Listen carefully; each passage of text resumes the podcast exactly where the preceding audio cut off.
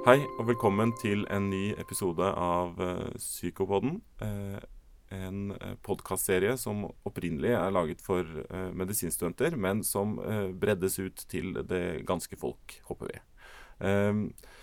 jeg heter Erlend Strand Garsjord og er overlege ved Oslo universitetssykehus og skal lede dagens episode, som skal handle om stigma og stigmaarbeid. og til å gjøre oss klokere om det, så har vi invitert to eh, damer. Den ene er deg, Carmen Simonsen. Du er psykologspesialist og seniorforsker ved Oslo universitetssykehus og holder til nærmere stemt på det som heter TIPS Sør-Øst. Et kompetansesenter på tidlig psykosearbeid, kan vi si det? Det er helt riktig. Ja, Velkommen til deg. Takk. Eh, og så har du med deg sjefen. Det må du alltid ha. Eh, og det er Kristin Rom. Du må ikke det. Nei, du må ikke det. Men det er hyggelig at du også er med, eh, Kristin. Eh, Kristin Li Rom, da, som er førsteamanuensis og leder eh, på eh, Tips Sør-Øst, som også er da på Oslo universitetssykehus. Velkommen til deg. Veldig glad for at jeg slipper å si hele navnet, for jeg bare bommer alltid. Jeg vet nesten ikke hvor jeg jobber. Det er så langt navn. Det er i hvert fall veldig hyggelig å ha dere her begge to. Og vi skal da som sagt snakke om stigma og ja, stigma, antistigmaarbeid, i hvert fall etter hvert. Eh, men jeg tenkte kanskje, Carmen, vi må begynne enkelt. Eh, hva er stigma eh, for noe? Ja, altså man deler jo Stigma er jo eh, holdninger og atferd som er negativ rettet mot en gruppe. Um, og eh, når det gjelder stigma generelt, men altså mot, uh, mot minoritetsgrupper, så eh, gjelder det jo for psykisk lidelse som for de andre.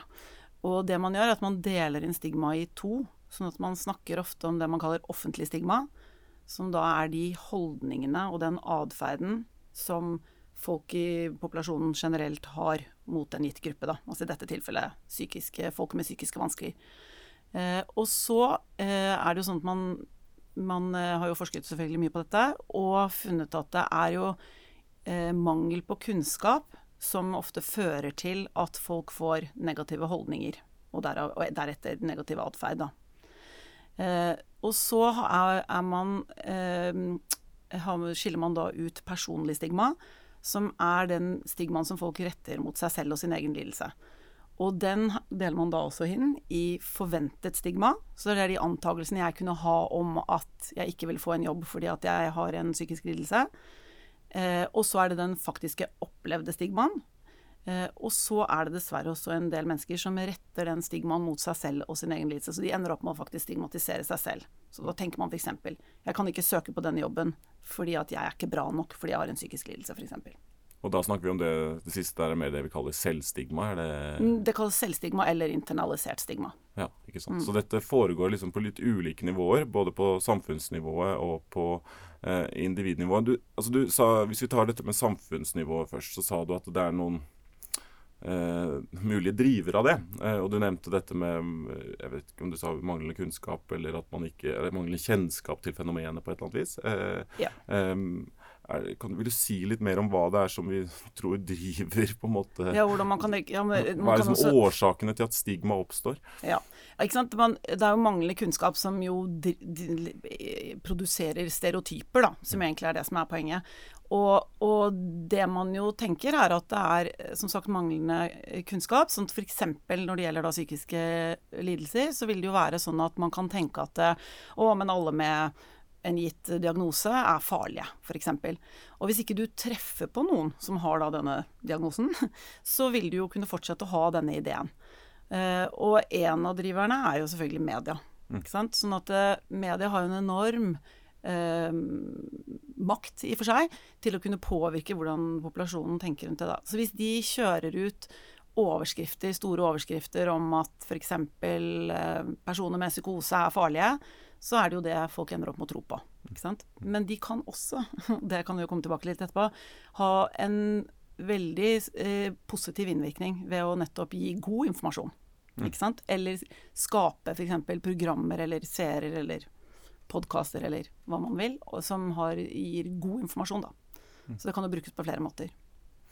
Og, og, hvordan er ståa rundt altså Hvordan opplever du at mediene håndterer den, det, det samfunnsansvaret da, som de har egentlig da, rundt dette. Eh, hvordan opplever du at det håndteres i Norge i dag? I, ja, i Det kan jo Kristin også sikkert si noe om, men min mening er jo at eh, det er jo, i hvert fall i aviser, eh, så er det jo i stor grad blir jo alvorlige psykiske lidelser omtalt forbundet med farlighet og vold. Mm. Eh, og det er jo selvfølgelig kjempeproblematisk, all den tid vi vet at de aller fleste med alvorlige psykiske lidelser ikke er farlige.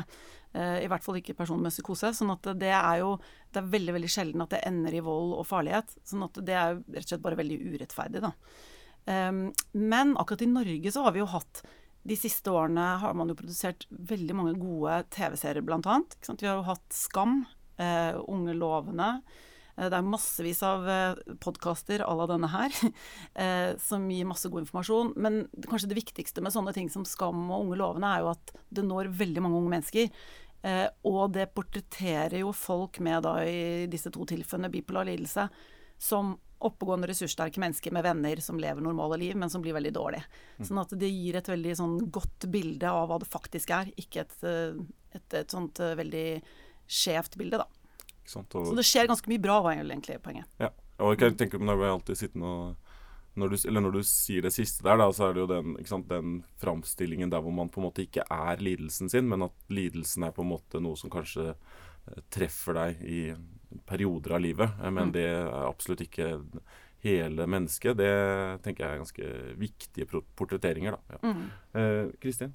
Og så tenker jeg at Unnskyld. Jeg tenker det er viktig at, vi, at det ikke bare er mennesker som er utrolig vellykket, uh, som står frem og forteller at de også har en psykisk lidelse. Mm. Men at det er uh, litt vanlige mennesker litt sånn, uh, som lever vanlig liv og viser at det kan man faktisk leve med en psykisk lidelse. Det er ikke bare sånn filmstjerner og, og skuespillere, da, som For de har gjort en stor jobb ved å stå frem uh, hvis de sliter med noe, men det er vanskelig for alminnelige mennesker å helt relatere til det. De vil ikke nødvendigvis være representative hvis de er uh, veldig kjente. Ja. Jeg fikk litt lyst til å nevne Vi var jo i England uh, i forrige uke. og da var vi og snakket med noen i, ved Lancaster University. Og de har også et prosjekt som heter The Living Library, som var bare utrolig morsomt. Hvor de mennesker med en psykisk lidelse kan på en måte bli utlånt som en bok på biblioteket. Så du kan booke en time, og så kan du få snakke med Du kan trekke ut forskjellige abstracts da, uh, som disse har skrevet om seg selv, og så kan du lese de, og så kan du booke en tid med denne personen og få lov å prate litt om hvordan, ja, hva de har opplevd. Og Det var en del av et sånt antistigmaarbeid? Ja, det var et samarbeid med universiteten, nei, med bibliotekene som prøveprosjekt som de kjørte, og som visstnok er i flere andre land også. Mm. Eh, vi skal komme til, tilbake, tilbake til liksom mer sånn, hva, hvordan vi kan eh, bekjempe dette. Eh, men jeg tenkte bare først altså, Hvor vanlig er eh, altså fordomsfulle eller stigmatiserende holdninger i samfunnet? Og, og, hvor vanlig er det blant de altså Hvor vanlig er dette mer sånn personlig stigma? Har vi noe ja. tall på det? Ja, Det er et veldig viktig spørsmål. For det er jo forsket ganske mye på det de siste 15-20 årene. Og det er en stor gruppe i Storbritannia ledet av Graham Thornycroft. Og så er det også en gruppe i USA ledet av uh, Patrick Horgan. Og de har jo sett veldig mye. De har gått ut og sett både i Storbritannia og USA, men det er også gjort selvfølgelig i mange andre land. Så har man undersøkt hvor, hvor, vanlig det er. Og dessverre så er det jo veldig vanlig. Vil si at mennesker med psykiske lidelser blir uh, møtt med veldig altså Først har man gått ut og gjort undersøkelser hvor man spør folk hva slags holdninger de har. Eh, man kan gi dem vignetter f.eks. og si 'vil du ansatte dette mennesket', og så beskriver de et menneske som har en psykisk lidelse. Så da fanger man jo opp hvor vanlige er holdningene der ute. Eh, og de er veldig vanlige. Og dessverre er det også sånn at jo mer alvorlig lidelse det er snakk om, jo, jo mer vanlig er de negative holdningene da. Sånn at schizofreni topper jo på en måte eh, med å være den lidelsen som det er mest stigma eller negative holdninger rettet mot. Og så kommer bipolar lidelse, og så har du depresjon og angst og de andre som kommer etter. Sånn at det er um, det er dessverre veldig vanlig, og folk opplever også veldig mye diskriminering. Sånn at de blir utsatt for atferd. Så det resulterer jo i at folk ikke får jobber, eh, de får ikke bolig, de får ikke leie boliger. Um, og det som er kanskje nesten enda Nå hopper jeg over på konsekvensen her, men det ble liksom en Jo, naturlig overgang der. Uh, det er jo også at folk um, ender med å i mindre grad søke helsetjenester.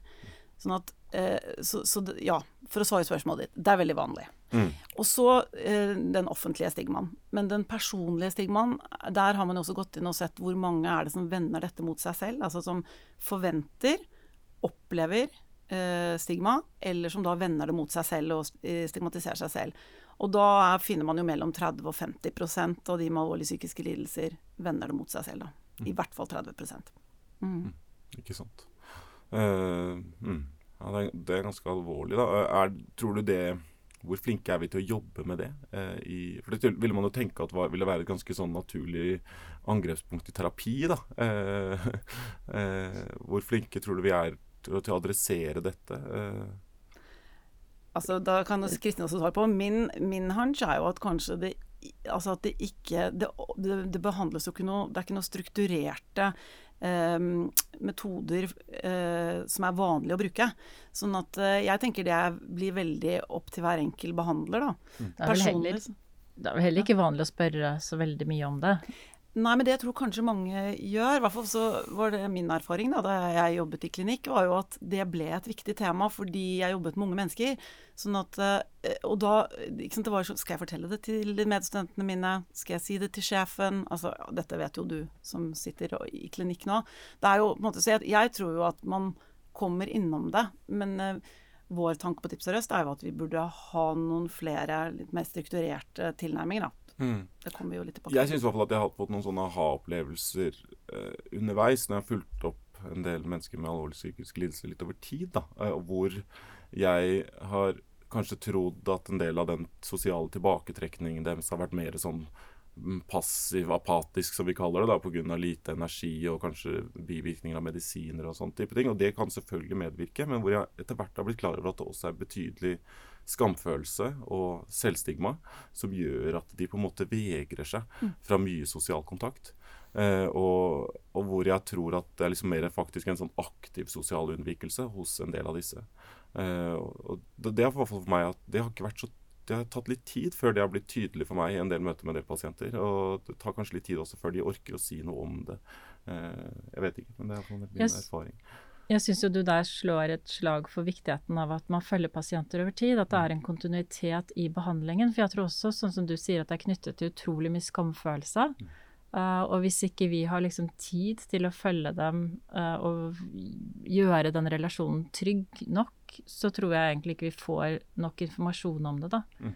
Uh, så jeg bare understreker oppfølging over tid er viktig. Og nå er vi jo litt inne på disse konsekvensene. ikke sant? Vi snakker om skamfølelse, vi snakker om eh, kanskje en del sosial tilbaketrekning, men vi snakker også om en del at de møter en del hindre i eh, samfunnet. Er det andre liksom hvis vi, skal, hvis vi skal se først på på en måte det, altså følelser og symptomer det kan skape hos den enkelte, hva ville, vi liksom- hva ville dere framhevet da?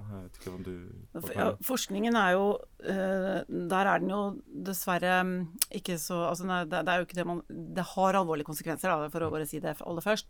Em, det fører jo til høyere symptomer. Altså hvis, når folk opplever stigma og vender det mot seg selv, eh, så fører det til eh, høyere symptomnivå, dårligere funksjon, dårligere livskvalitet. Um, som jeg nevnte i sted, så det, fører det også til at folk i mindre grad oppsøker helsetjenester, som jo gjør, da gjør at de ikke får hjelp. Um, og, um, og det fører også til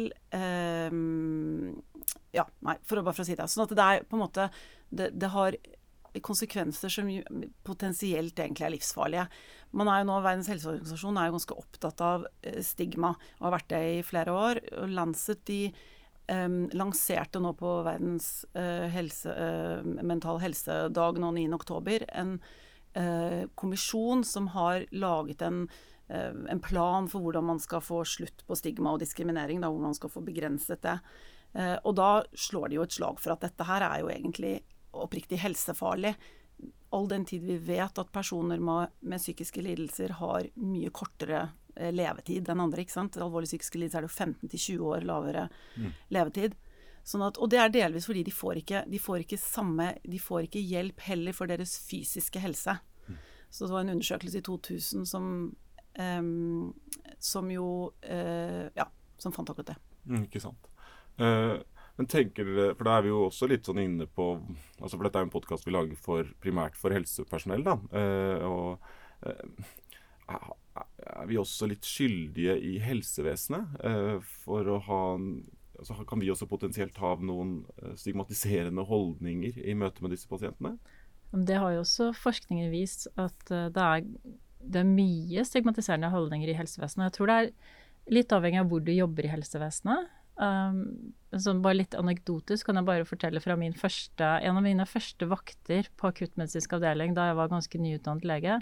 Så ble jeg tilkalt på vakt fordi det var en pasient som eh, lå og gråt og hadde fått, uh, hadde fått diagnosen schizofreni den dagen. Mm. Og jeg husker at jeg tenkte å, jeg har ingenting å si, for det er helt forferdelig. Jeg tenkte selv dette kommer til å gå dårlig. Uh, jeg var sannsynligvis bare verdens dårligste lege i den situasjonen der, fordi jeg liksom bare var nesten helt enig med han at nå var livet slutt, på en måte. Uh, og det kan du jo si at sånn, ja, men har man ikke kommet lenger? Og jeg tror faktisk at vi har kommet lenger. At vi underviser studenter litt annerledes nå enn vi gjorde den gangen. Men jeg tror fortsatt at jobber du og bare ser de dårligste pasientene hele tiden, at det, så blir det ditt bilde av den pasientgruppen. Jobber du et annet sted i helsevesenet hvor du ser de når de er i tilfriskning, du ser at de endrer helt karakter, de, du snakker helt annerledes, de virker kvikke og lærenemme. Uh, at du har de opplevelsene også, så uh, får du et mer balansert syn på de ulike diagnosegruppene. Uh, men der har vel også forskning vist at helsepersonell er på ingen måte bedre enn andre. Tvert imot, noen ganger verre. Uh, og det har også vært uh, undersøkelser som viser at uh, yngre leger faktisk har mer fordommer og stigma knytta til alvorlig psykisk helse enn eldre. Men kan det være handle om også altså Jeg tenker at Du, sant, du tar jo det eksempelet fra din egen hva skal man si, tidlige karriere. da, mm. og altså Jeg vil i hvert fall tenke for min del også at jeg kunne jo relativt lite. Ja. Det er jo det altså, som er hovedproblemet. Man må bare være så ærlig. Uh, de, når man begynte som lege, ja. om uh, ja, alvorlige psykiske lidelser og heterogenitet i prognose, og, altså den, og for så vidt også en litt sånn uh, Kanskje litt hva skal man si, kritisk tenkning rundt diagnoser og den type ting. Da. Det er jo moden hva skal man si, mm. mer sånn modnings kunnskap, da. Eh, vet ikke om Det var kanskje et litt rart ord, men Ja, men jeg er helt enig med deg. Men jeg tror det, det, man har også funnet ut, er at Jeg tenker også at kanskje mange leger og psykologer for den saks skyld også er veldig høyprestasjonsmennesker. For det har også vist seg at de er ganske flinke til å stig, selvstigmatisere seg selv, mm. og også dårlige til å søke hjelp for egne eh, psykiske plager. Så vet vi at i hvert fall medisinere har mye, relativt sett, eh, mye psykiske plager. Men uh, at man er såpass redd for å søke hjelp, kan jo henge Man regner med at det også henger sammen med en form for uh, vil ikke høre til den gruppa som ikke mestrer. Uh, og da kan man jo spørre seg, hvis vi har den holdningen, hva gjør det i forhold til vår relasjon til pasientene våre, da? greier vi å skjule det alltid, eller er det sånn at det smitter det litt over med, i forhold til å formidle håp, tro på at ting går bra? Um, jeg tror det kan ha andre konsekvenser enn det vi i utgangspunktet tenker, da. Mm. Mm. At vi har litt dårlig kunnskap på Egentlig på recovery, da. Ja, på tilfriskning. Det, ja, og, da, og det, liksom, de, de, går jo litt inn i hverandre, disse to feltene, fordi, også forskningsmessig. Fordi man har jo eh, nettopp, eh, sånn som du sa, forskning finner jo det at helsepersonell i aller høyeste grad er stigmatiserende mot psykiske lidelser. Men, og de er også mye mer pessimistiske når det gjelder bedring, mm. eh, enn andre. Og det er jo litt pussig all den tid helsepersonell eh, kjenner lidelsene godt gjennom arbeidet sitt. Men igjen, som Kristin sier, da, man tenker og kaller det jo the clinician illusion. Um, eh, nettopp at man ser, bare, man ser, dem bare når de er dårlige. Mm. Ikke sant? Det er denne seleksjonsbiasen, egentlig, da, inn mm. i ja, akuttavdelinger og den type ting. Uh, OK, så uh, stigma det finnes egentlig overalt i samfunnet, også blant oss som på en måte egentlig da skal være hjelper, hjelpere, da. Uh, så det er jo en Der har vi en vei å gå. Jeg tenkte på Vi må også finne litt tid til dette med som, hvordan vi kan motvirke det, eller antistigmaarbeid. Så jeg lurer på om vi skal bevege oss litt mot det. Uh, og dere har På Tips Røst har dere jo delvis jobbet en del med det selv. Og så har dere jo, vil jeg tro dere også har litt oversikt over hva som andre har gjort. Jeg vet ikke om dere vil si noe om eh, Hvem av dere vil begynne å si noe om eh, Jeg syns Kristin skal si noe om eh, Psykovenn. Ja. Si litt om Psykovenn, som var en kampanje som vi startet for en del år siden, og som har vært eh, egentlig primært en sånn Instagram-kampanje, um, hvor vi fikk um, penger uh, for å utvikle noe en eller annen form for kampanje som kunne heve kunnskapsnivået i uh, normalbefolkningen, holdt jeg på å si, generell befolkning, uh, om alvorlig psykisk lidelse. Og den jobbet vi sammen med både tekstforfatter og grafiker, men også unge mennesker. Uh, og det som var spennende med det, var for det første at vi lærte mye, men også det med hvis du skal formidle ting om alvorlig psykisk lidelse, så er det såpass tungt og så alvorlig at uh, det kom ganske tydelig frem at du kan ikke bare formidle det, du må liksom spe opp med andre og lettere ting for å kunne av og til pumpe ut noe om psykose, schizofreni, den typen ting. Uh, for hvis ikke så mister du alle følgerne dine. eller sånn, Folk gidder ikke å følge noe som er for heavy, på en måte. Og så må den være gjennomsyret av håp. Folk gidder heller ikke å følge ting som er veldig sånn 'Dette går ikke bra, dette er forferdelig'. Vi må på en måte bidra med det håpperspektivet i alt vi gjør. Og jeg syns jo det har Hele den kampanjen har jo ikke bare smittet over på Eller sånn, det, den kjørte, og det var jo sånn sett et vellykket prosjekt, men eh, den har jo smittet over på veldig mye av det vi gjør. Så nå Da har liksom snudd hele vår tenkning om veldig mye. Og også det med å få inn brukere eh, i alt vi driver med. Um, som er, har sine utfordringer, ikke minst fordi sykehussystemet Det er ingenting som er lagt opp til at uh, det skal være greit, for å si det på den måten.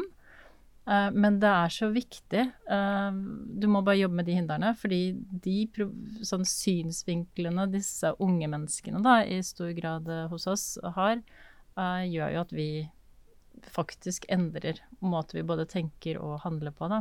Men målet med denne kampanjen har vært en informasjons... folkeopplysning, mm. er det riktig? Å, mm. er det, det, er det som har vært målet, ja. og, og, målgruppen har særlig vært unge, ja. eh, unge, kalte? Ja, vi kalte den jo Sykt god venn, fordi mm. uh, vi også fant ut at det å uh, gå direkte til de som uh, er syke, ofte ikke fungerer. Fordi for det første så er det ikke alltid at man har innsikt, eller at man orker, eller at man følger med på ting. mens venner er ofte tett på mm.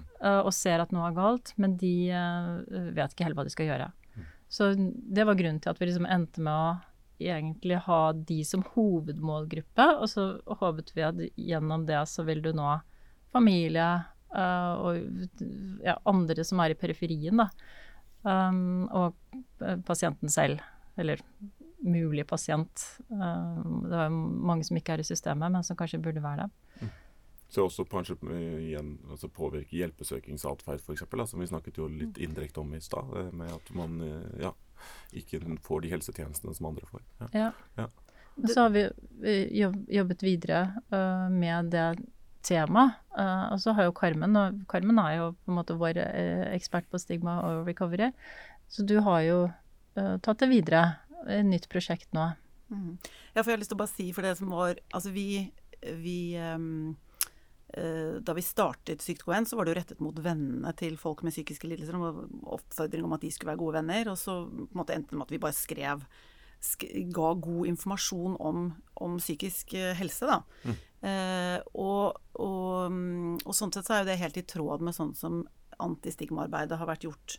Jeg kan jo si litt om det hvis dere mm, vil. Mm. Men eh, hvordan stigmaarbeidet har vært gjort. Men, vi, men det vi endte med, var jo å ha med folk med egenerfaring som, som skrev eh, dikt og, og, og, lagde postene for oss. Og det er jo i og for seg også helt i tråd med hvordan det skal gjøres etter boka, da. Mm. Skal jeg si litt om Ja, gjerne det, Carmen. Ja.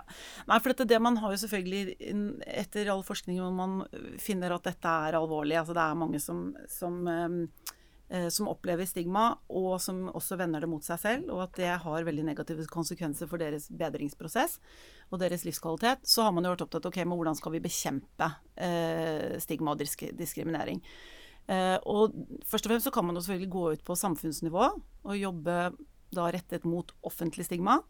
Eh, og da da eh, kan man jo kjøre store eh, sånne befolkningskampanjer. Eh, ikke sant?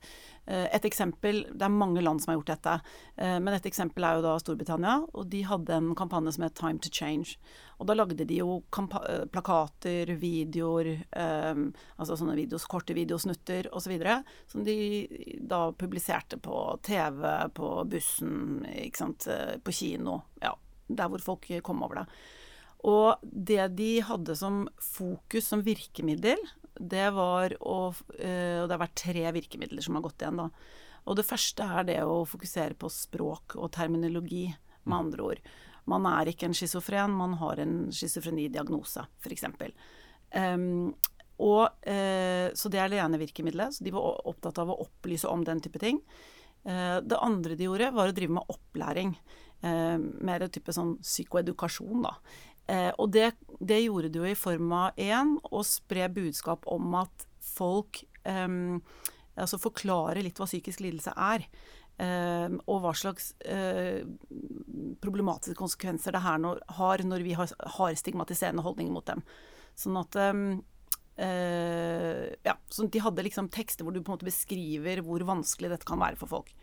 Eh, og så kom de også med råd om hvordan man kan møte folk med psykiske vansker. Så det var liksom opplæringsdelen av det. Men det som lå bakt inn i opplæringsdelen, var at man også på den tiden denne kampanjen startet på slutten av 90-tallet, begynnelsen av 2000-tallet, så var man jo opptatt av at eh, de alvorlige psykiske lidelsene er hjerneorganiske lidelser. Sånn at da var man opptatt av å formidle ting som at eh, man kan ikke noe for det. Det er ikke det at man er lat eller, eh, eller, at man har skyld i de vanskene selv, som jo ligger i en del av de stigmatiserende holdningene folk har. Eh, man kan ikke noe for det. Det er en sykdom som alle andre sykdommer. Det man ikke hadde tenkt på når man gjorde det, var at For det gjør jo at folk sånn sett kan synes litt synd på folk, da, eller få mer empati.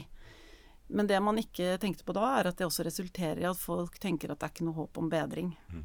Sånn at det hadde liksom en sånn bakside, da. Mm.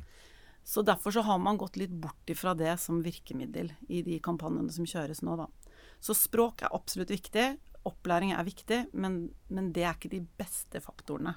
Mm. Så det, det, man nå eh, er veldig opptatt av, at den viktigste og mest virkningsfulle virkemidlet vi har, er sosial kontakt. Så det vil si at man oppretter kontakt mellom folk som har psykiske vansker, og folk som ikke har det. Og det kan være direkte kontakt, type sånn som Kristin beskrev med The Living Library, hvor du sitter overfor en person og får høre deres historie.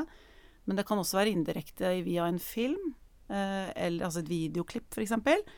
Eller sånn som, eh, sånn som det gjøres i disse seriene jeg nevnte, f.eks. Skam. da. Mm. Får, så du, det er bare det å få på en måte en kontakt med folk som har, eh, har eh, erfaring med å ha en psykisk lidelse. Da. Så derfor så er egentlig alle intervensjoner og alle kampanjer som kjøres nå, de har sosial kontakt som liksom sitt primærvirkemiddel. da. Så det er jo de store befolkning... Skal jeg fortsette? Vær så god. Ja, så det er jo de store befolkningskampanjene. Men så har man jo også vært mer eh, sånn rettet, altså targeted, da, hvor man går mot spesielle grupper. F.eks. det kunne vært legestudenter eller politi eller eh, helsepersonell, en annen helsepersonellgruppe. Eh, og da har man jo hatt det sånn spesifikke hvor man har tenkt ok, men dere må læres opp i eh, at psykisk lidelse Man kan bli frisk, ikke sant, man er ikke farlig, uh, osv. Det har også hatt en Da bruker man de samme virkemidlene. Og så har man jo laget eh, intervensjoner som er rettet mot personer som selv opp, har en psykisk lidelse, eller som er pårørende. Og da blir det jo eh, type sånn som det prosjektet vi nå skal eh, starte opp, hvor man sitter med pasienter med psykiske vansker, og så snakker man med dem om deres opplevelse av stigma, og hvordan de skal håndtere det. Mm. Og for det er et prosjekt dere skal i gang med nå? ja, for det, det, kan man jo gjøre. selvfølgelig. Man kan gjøre, De har jo bl.a. i Manchester så har jo uh, The Psychosis Research Unit, som også er en gruppe som vi har samarbeidet litt med, de laget jo en egen kognitiv terapiretning rettet spesifikt mot internalisert eh, stigma. Og der har de ganske gode resultater. Så det er jo én måte man kan gjøre det på. Så du kan sitte som psykiater der hvor du jobber, og så kan du jobbe mm, sånn litt manualbasert rettet mot, mot eh, den personlige stigmaen dine pasienter opplever. Men det vi har gjort, er at vi har fått penger til å adaptere et eh, amerikansk eh, program.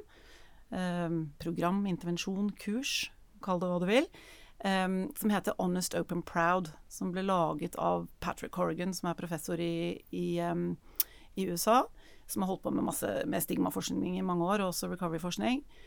Og ideen bak det programmet er nettopp å hjelpe, sånn som du snakket om innledningsvis, eh, personer med det, det stigmaet de opplever, og deres vansker knyttet til, til hvem, når og hvordan de skal være åpne, da. Ja, da kan du også fortelle at vi har fått hjelp, eller det skal jo ledes uh... Ja. Det kan du si, skal jeg si litt om den, eller? Ja, ja, ja. Nå prater jo jeg veldig lenge, syns ja, jeg, men, det- ok. vi, Ja. vi tar det Nei. nå. Så i hvert fall eh, Honest Open Proud er da en gruppe, eh, en gruppekurs, eller gruppebehandling, eh, hvor man har fra tre til åtte personer som da selv har en psykisk lidelse, eh, som møtes i en gruppe. Og så møtes de fire ganger. Den første gangen så snakker man litt om hva slags forhold man har til diagnosen sin, og fordeler og ulemper med eh, å være åpen om det at man f.eks. har schizofreni.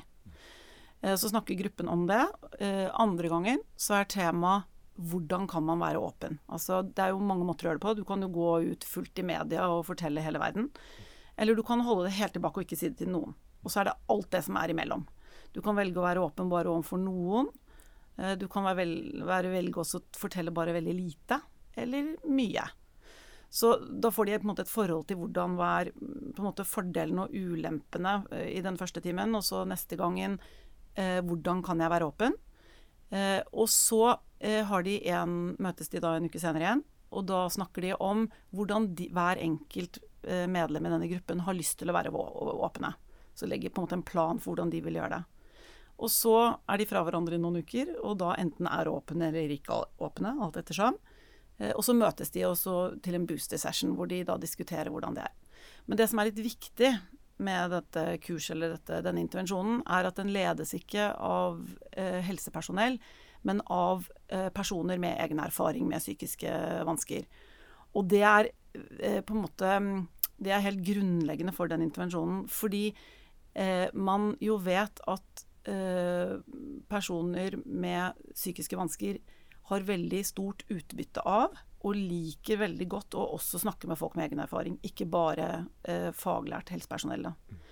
Sånn at det er det ene. Og ved at man gjør det i akkurat en sånn type gruppe, så sitter de jo da med en rollemodell. Ikke sant? Da sitter jo på en måte de to kursholderne eh, og også kan dele fra sin historie. Så det ligger veldig sånn bakt inn i hele måten å jobbe på, da. Det- Eh, Dette høres jo veldig spennende ut, da. Og altså Hvordan skal dere få tak i eh, deltakere til dette? På din Litt innom, litt innom TPB, kanskje? ja. Nei, det, det er et veldig godt spørsmål, og det vil jo tiden vise. Vi håper at vi kan gjøre det på sykehuset vårt, da. Bare Ja, ja, sånn, ja. fordi det er, det er ikke Altså, vi tenker jo at dette har Det er, det er to sider til, denne, til dette, akkurat denne intervensjonen her, og det er at vi tenker jo at pasientgruppen eh, vil kunne ha stor behov for det. Eh, fordi vi vet at mange strever med personlig stigma og, at, eh, og vansker knyttet til om man skal være åpen, og fordelen og ulempen med det. Sånn, og det er ikke sånn at kurset heller er rettet mot at det er eh, om å gjøre å være åpen. Vi, forskning viser jo at det er lurt å ikke sitte inne med det helt. at det å hemmeligholde er utrolig slitsomt. Og det bidrar til økt indre eh, personlig skam da, og, og stigma. Sånn at det, det, er, det er ingen tvil om at det er lurt å være åpen, men det er ikke lurt i alle situasjoner, og ikke alltid.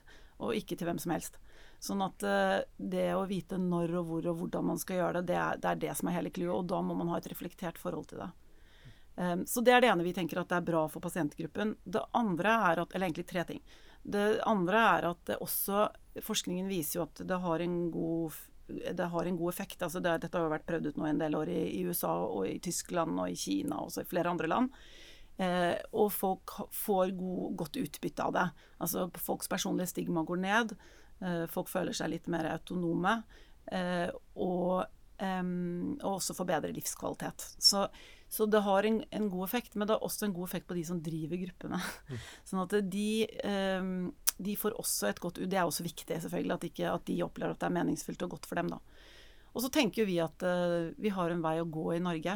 I en del andre land så har man jo kommet mye lenger med å også ansette folk med egen erfaring i klinikk. Det har vi ikke kommet så langt med i Norge foreløpig. Det, det, skjer jo mye bra rundt omkring i landet, men, men dette er jo én måte å rydde litt plass til dem, da. Sånn at de har et, et uh, manualisert uh, verktøy til å drive det. Og så er det jo sånn, nesten kanskje aller viktigst, er jo også at hvis personer som strever med psykiske vansker, eh, tør å være åpne, så er det flere i samfunnet som får nettopp sosial kontakt med folk som har det. For da vil man jo kanskje velge å fortelle det til arbeidsgiveren sin eller naboen sin. Og derav får jo man jo mer kanskje sosial støtte, men, men de vil jo da også få kontakt med folk med, og deres stigma vil gå ned. Så, så, åpenhet omkring psykisk lidelse er absolutt problematisk, og det er ikke alltid bra, men, det, men, men på sikt så er det jo det man ønsker, da. Mm. Bra. Jeg tror vi skal begynne å nærme oss slutten. Ja. Eh, dette virker jo i hvert fall veldig spennende, Carmen og Kristin. Eh, er det noe dere mm, brenner inne med? Sånn? Det Kanskje i forhold til um, det med undervisning av medisinstudenter, siden det mm. også fortsatt er et tema uh, med denne podkasten, uh, så har det jo vist seg i um, uh, en engelsk studie også at um, det å ha med folk med brukererfaring da, i undervisningen, Eh, det var en studie som så på De kjørte liksom praksisperiode i psykiatri seks uker, helt som de pleier å gjøre, hvor man er rundt omkring i avdelinger. Så kjørte de seks uker hvor det var et recovery-fokus på undervisningen, og hvor de også ble undervist av mennesker med egen erfaring. Uh, og den gruppa som ble undervist med egen, egen erfaring, ikke nok med at de, liksom, de ble mer optimistisk på vegne av pasientene, de ble mer optimistisk eh, også i forhold til faget. Og vi har jo liksom et eh, Hva skal vi si? Vi skulle gjerne hatt flere psykiatere i Norge. Eh, og har jo en spesialistmangel. Uh, men de studentene som hadde hørt på disse menneskene og hadde den mer positive holdningen, hadde også mer lyst til å spesialisere seg innenfor psykiatri. Så jeg tenker det er jo Hva er det å ta med seg til undervisningsansvarlig, f.eks.? Om at dette kan man jo tenke på. Jan Ivar sitter og nikker i bakgrunnen her. Eh, jeg tror det er et viktig, veldig viktig poeng, det. Og jeg merker jo det at vi har jo medisinstudenter innom hos oss eh, i praksis eh, med jevne mellomrom. Og da tar jeg alltid meg selv i, hvert fall når man jobber på en poliklinikk, en re rehabiliteringspoliklinikk, sånn som vi er, at det, vi viser fram et ganske bredt spekter uh, av uh, mennesker, uh, med, hvor det går veldig ulikt, egentlig. og det er, det er nok det som er det representative. at og du må på en måte følge den enkelte litt over tid også, for å forstå hvordan det skal gå. Da. Så vi skal være veldig forsiktige med å ha, eh, være veldig pessimistiske eh, i møte med pasientene tidlig i forløpet av en psykisk lidelse. Mm. Det er, det er, mye som kan skje. Mm. Jeg tenker bare Som student så får du kanskje møte én pasient med psykose i løpet av Hvis du er på personlig psykiatripraksis, og så er du grupper, så møter du kanskje én pasient med psykose, og det var tilfeldigvis en som var veldig dårlig. Mm. Så har du ikke det mentale bildet av at disse pasientene kan være helt annerledes. Og, og, til og med kan det være sånn at han var dårlig der og da, ja. eh, og så møter du samme menneske igjen om eh, et år, mm. og så er han et helt annet sted. Eh, så det er, det er, viktig å huske på. Ja. Carmen, du ja. hadde også en liten finger ja, i været. jeg bare jeg tenker at forskning støtter jo akkurat det du sier òg. Det er jo faktisk sånn at det å ha med folk med egen erfaring, eller det å formidle uh, formidle på en måte hvordan det går med folk med psykiske lidelser, eh, det, det, det, er kjempeviktig at det er en håpefull og optimistisk underliggende grunntone. Fordi, fordi det, er, måte, det, er, jo det forskningen også faktisk viser oss, at det går bra med mange. Eh, og det tenker jeg at vi, det er viktig at vi formidler. Men det bare sagt, så skal man jo selvfølgelig også ha med at det går ikke Det er ikke alle det går bra med, og, og du må være troverdig, på en måte. Altså, det er jo det det er jo det eh, mottaker også vil sette pris på. Da. Så det vil jo gjelde for, for medisinstudenter som alle andre. Mm. Viktig poeng. Og det er, nei, det er det, er, det, er for, det, er, veldig forskjellig, egentlig, hvordan det går. Mm. Sånn er det bare. Ja. Mm. Um, og det kan jo være viktig å ha med seg det også. Uh, at man da uh, skal At man skal være litt forsiktig da, med å på en måte si noe veldig generelt. Uh, F.eks. på bakgrunn av bare en, altså enkeltstående informasjon som diagnose, f.eks. Så er det Ja. Nå ja, Vær så god. Ja, nå skal vi avslutte. Men, det, men jeg bare tenkte det én ting, for du lurte på om det var noe vi brant inne med. Altså det, det, det, som vi kanskje ikke har sagt så mye om, er dette med språk. Altså hva slags terminologi vi bruker. Og det, der, der, tenker jeg jo liksom at det, også, det får vi jo snakke om en annen gang. Men det er jo også selvfølgelig veldig viktig. For selv om det ikke kurerer stigma, at vi forandrer språket Nå er det en kjempedebatt rundt om vi skal forandre schizofrenibegrepet mm. til noe annet. Og det å kalle det noe annet enn schizofreni vil jo ikke ta bort stigmaen, for stigma vil jo følge eh, fenomenet. Eh, men det er allikevel viktig. Og det er viktig for de menneskene som, som, eh, som eh, Når vi bruker en terminologi som ikke er bra, da, nå tenker jeg ikke akkurat på diagnosenavnet, men, men, hvordan vi snakker om det å ha en psykisk lidelse, at det ikke er hele mennesket, men at det er noe man strever med, da. det er kjempeviktig. Veldig bra avslutning. Eh, takk for at eh, dere kom, Kristin og Carmen.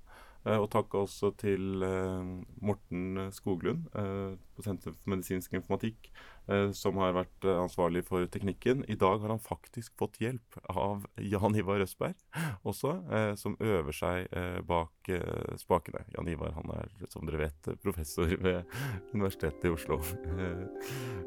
Ja, vi høres. Ha det.